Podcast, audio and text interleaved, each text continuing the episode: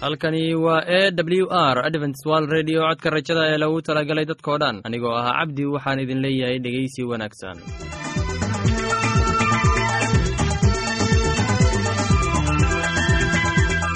barnaamijyadeena maanta waa laba qaybood. Qaybta kuwaad waxaad ku maqli doontaan barnaamijka nolosha qoyska. Kadib waxaa inoo raaci doonaa cashar inaga yimid bugga nolosha ee dhegeysi wacan. Dhegeystayaasheenna qiimaha iyo qadarinta mudano waxaan filayaa inaad si habboon u dhegeysan doontaan. Haddaba haddii aad qabto wax su'aal ama talo iyo tusaale oo ku saabsan barnaamijyadeena maanta fadlan inala soo xiriir. Dib ayaynu kaga sheegi doonaa ciwaanka yagu balse intaynan u guda gelin barnaamijyadeena xiisaa leh waxaad marka hore ku soo dhowaataan. Heestan daabacsan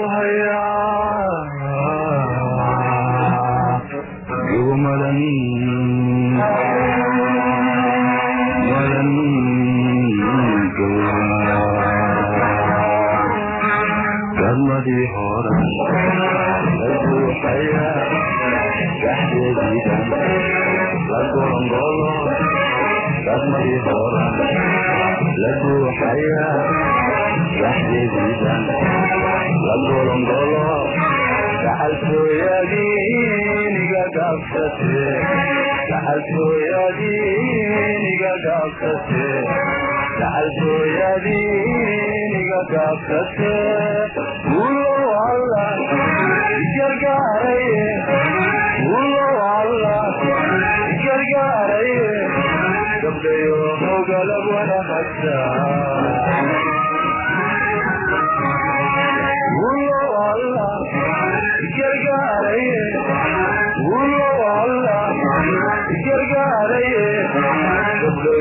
gabdhayo hogalab wanahagtaan hoy gabte wagadiniye ay gabte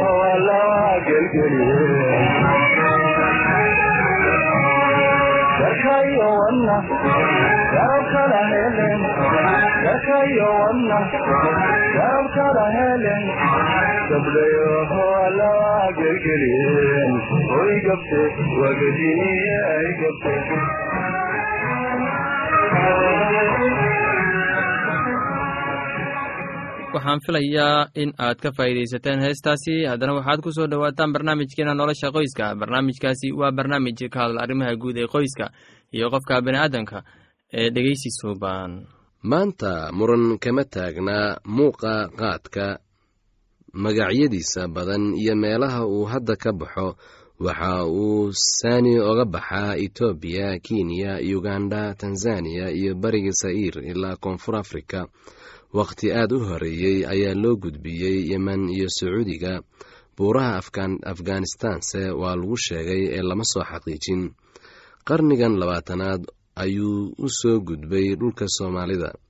Yemen waxaa looga yaqaanaa qaad iyo kaat etoobiya waxaa looga yaqaanaa jaad ama qaad jimacane. Soomaaliduna waxay u taqaanaa jaad iyo qaad kenya qaadka magacyo badan baa loogu yeedhaa oo ay ka mid yihiin kaat muringa miyongi mira iyo waxyaabo kaloo la mid a ugande mustayid mutabwanga nanunga kitandwe iyo waxyaabo kale ayaa looga yaqaanaa. Tanzaniyana waxaa looga yaqaanaa mulingi warfa mandona iyo waxyaabo kaloo la mida malawina waxaa looga yaqaanaa mutsawiri mutsawari. Koonfur afrikana waxaa looga yaqaanaa bushman stey dhulka uu ka baxaa qaadka waxa uu ka sarreeyaa badda afar kun ilaa sagaal kun oo fuud. Geedka dherarkiisuna waxa uu gaaraa hal ilaa laba mitir buurta dusheeda. Salka buurta ee biyaha leh waxa uu gaaraa lix mitir. Dhulka baraha kulka iyo biyaha lehna waxa uu gaaraa ilaa shan iyo labaatan mitir. Jiridiisu waxa ay gaadhaa ilaa nus mitir balac ahaan muran adag oo soo taxnaa muddo dheer kuna saabsanaa waxa uu yahay iyo waxa uu keeno qaadku ayaa soo gebagaboobay labaatankii sano ee ugu dambeeyey. Xuska ugu da-da weyn ee qaadku leeyahay waxa uu ku siman yahay saddex boqol iyo konton sano ka hor dhalashadii nebi ciise. Berigaas boqorkii la oran jiray aliskandarkii weynaa oo xukumi jiray dalka masedoniya waa koonfurta yurube ayaa qaad u diray jenaraalkiisii la oran jiray haraar si uu iskaga daaweeyo cudur maskaxeedkeena walbahaar iyo walaac laguna yidhaahdo afka qalaad melankoliya kitaab magaciisa la yidhaahdo walxaha lagu wilfo oo farguri ku qoran waxaa la qoray sannadkii kun iyo laba boqol iyo toddobiyo soddonkii waa muddo iminka laga joogo toddoba boqol iyo lixdan iyo dhowr sannadood waxa uu ka hadlayaa bunka iyo qaadka isaga oo qaadka ku sheegaya sidan soo socota. Waa geed ka baxa kiilwa waa kenyada berigaas oo loo adeegsado firfircoonida iyo dawada walaaca ee cudurka melakoniyada. Taariikhyahanka la yidhaahdo falidahi al cimriya ayaa qoray buuggiisii la oran jiray masaalikul absaar wakhti aan waxba ka fogeyn sandaqigii waa muddadii u dhexaysay sannadkii kun iyo laba boqol iyo afar sagaal iyo afartankii ilaa kun iyo saddex boqol iyo afartan iyo labadii ninkaas oo lagu wado kalsoon yahay si dhug leh waxa uu u qori jiray si faahfaahsan oo uu ku sifeeyey qaadka aan ka soo gudbiyo hadalkuu qoray waxaa ka mid ahaa qaadka waa geed xabashiyeed aan lahayn midho laakiinse la cuno caleemihiisa jilicsan ee yaryar markaas oo uu qofku ku muujiyo fahmo iyo ladnaansho. Qaybta cilmiga ee buugga waxaa aad ku arki doontaan xaaladahaas oo ismoodsiis ah kana maran siinaya cuntada cabidda iyo galmadaba. Haddaba qofka cunaa sida la waxa uu ka maarmayaa cuntada cabitaanka iyo galmadaba. Dadku wuu wada cunaa qaadka gaar ahaanna waxaa cuna kuwa ay haysato mushkilado waaweyni. Waxaa kale oo cuna qaadka kuwa doonaya in ay soo jeedaan si ay habeenkii u guureeyaan ama kuwa doonaya in ay hore u dhammeeyaan shaqo si aysan u caajisin sida dadka yemaneed ay u jecel yihiin maandooriyaha qaadka waxa aan laga garan sida dadka hindidu ay u jecel yihiin maandooriyaha bataal layidhaahdo inkasta oo haddana labada geed aanay isku ekayn mar ay culummada ay ka waraysatay qaadka ayaa lagu sheegay sheeko qosol leh oo uu mariyey mid iyaga ka mid ahaa. Waxa uu sheegay inuu ugu waramay xabashi inuu u tegay boqorkii yemanta oo aad ugu kalsoonaa isaga. Xabashigii ayaa ka codsaday boqorkii inuu shaqo u diro. Boqorkiina waxa uu ka doonayey inuu u keeno laamaha qaadka ee jilicsan. Markiiba qof lugeeya ayuu u diray dhulka xabashida si uu u keeno laamahaas kuwaas oo kadib lagu beeray yemen si fiicanna uga baxay halka. Goortii la gaaray goosashadii ayuu boqorkii ka doonay xabashigii inuu u gargaaro isna waxa uu u ballan balballaariyey waxa uu qaadka gudo ama waxa uu galo sideedaba.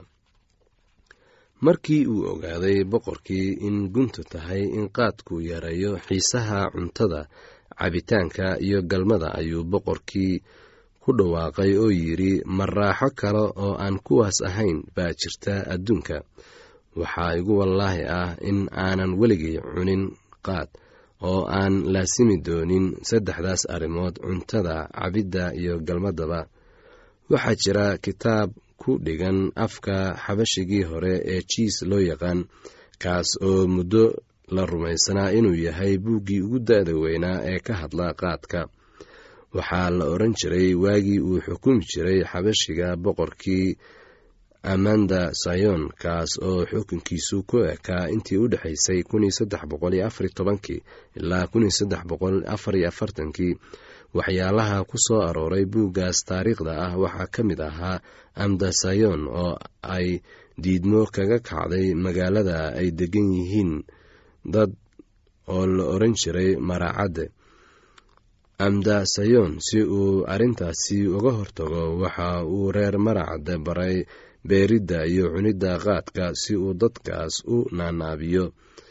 Sabrudiin oo ahaa boqorkii uu xukumi jiray ifraad waa magacii qadiimka ahaa ee hadda loo yaqaano jabuuti ayaa jebiyey amda sayon kana qabsaday dhul ay ku jirto maracadde kadibna sabrudiin waxa uu u adeegsaday hab xukunkii amda sayon oo qaadkii waxa uu gaarsiiyey dhammaan dhulkii boqortooyadiisa si uu isna u naanaabiyo waxaan filayaa inaad ka faa'iidaysateen barnaamijkaasi. Haddaba haddii aad qabto wax su'aal ama tale iyo tusaale fadlan inala soo xiriir.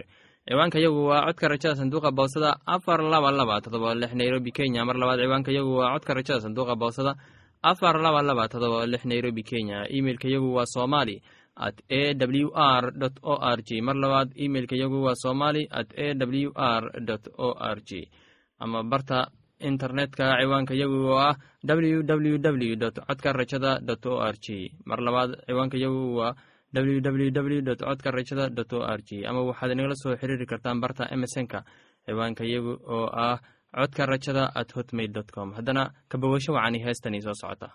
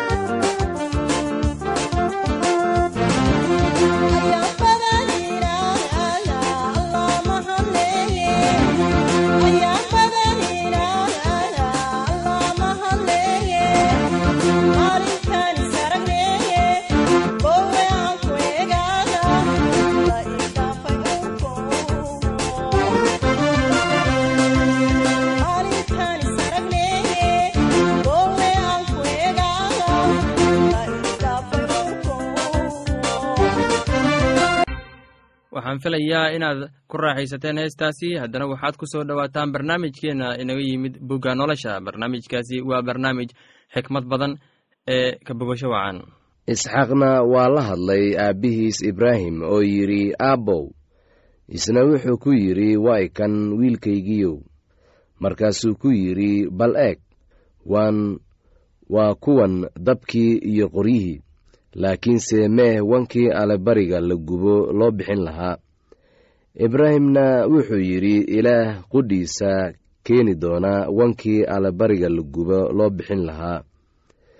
Wiilkaygiiyow saas daraaddeed labadoodii way israaceen oo waxay yimaadeen meeshii ilaah isaga u sheegay. Ibraahimna meeshaasuu ka dhisay meeshii allebariga qoryihiina wuu hagaajiyey. Markaasuu xidhay wiilkiisa isxaaq oo meeshii allebariga saaray qoryihii dushooda. Ibraahimna gacantiisu buu fidiyey oo mindidii buu u qaaday inuu wiilkiisa dilo. Markaasay malaa'igtii rabbigu samada uga yeedhay isaga oo waxay ku tidhi ibraahimow ibraahimow kolkaasuu yidhi way kan markaasay ku tidhi gacantaada ha saarin wiilka waxbana ha ku samaynin waayo hadda waan garanayaa inaad ilaah ka cabsatid maxaa yeelay igama aadan lex jeclaysan wiilkaaga kaasoo ahaa wiilkaaga keligiis ah. Markaasaa ibraahim indhihiisii kor u taagay oo wax fiiriyey oo wuxuu dabadiisa ku arkay wan geesa kayn kula jira. Markaasaa ibraahim tegey oo wankii soo kaxeeyey oo wuxuu u bixiyey allebari guban meeshii wiilkiisa.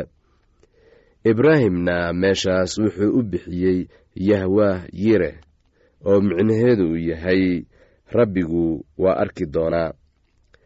Xataa ilaa maanta waxaa la yidhaahdaa buurta rabbiga ayaa lagu arki doonaa kolkaasaa mar labaad malaa'igtii rabbiga ibraahim samada ugu yeedhay oo waxay ku tidhi rabbigu wuxuu yidhi waxan aad samaysay aawadood iyo wiilkaaga aadan iga lex jeclaysan kaas oo ah wiilkaaga keligiis ah aawadiis ayaan nafsadayda ku dhaartay inaan barako ku barakadayn doono oo aan farcankaaga u tarmin doono sida xidigaha cirka iyo sida camuudda taal badda xeebteeda oo uu farcankayagu hantiyi doono cadaawayaashiisa iridooda oo ay qurumaha dunida oo dhammu ku barakoobi doonaan farcankaaga.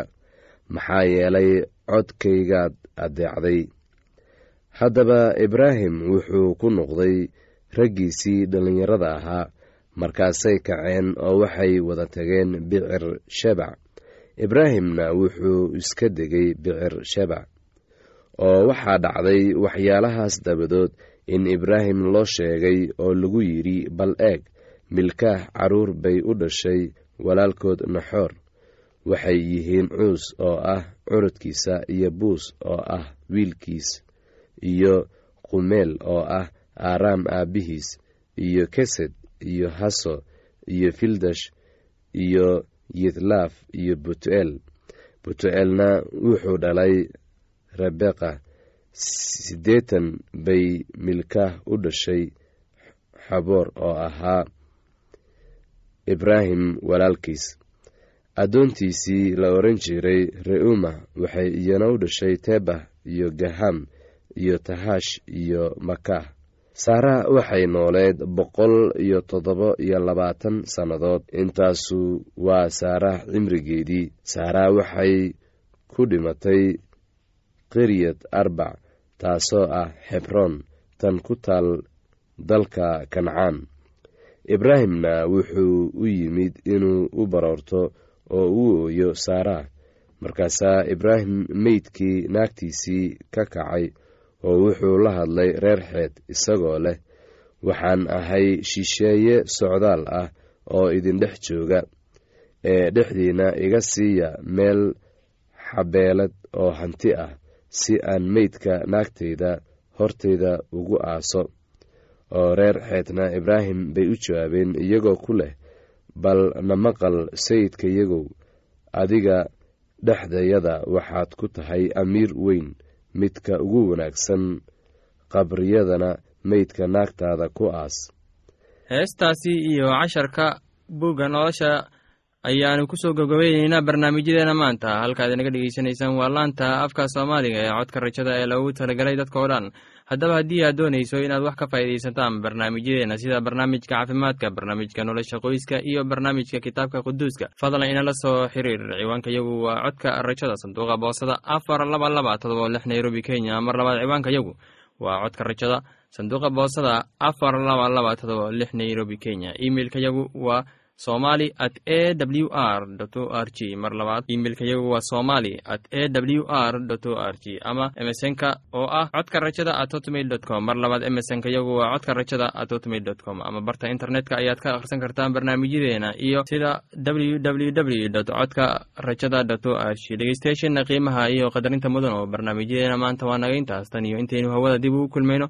Waxaan idin leeyahay sidaas iyo ammaano allah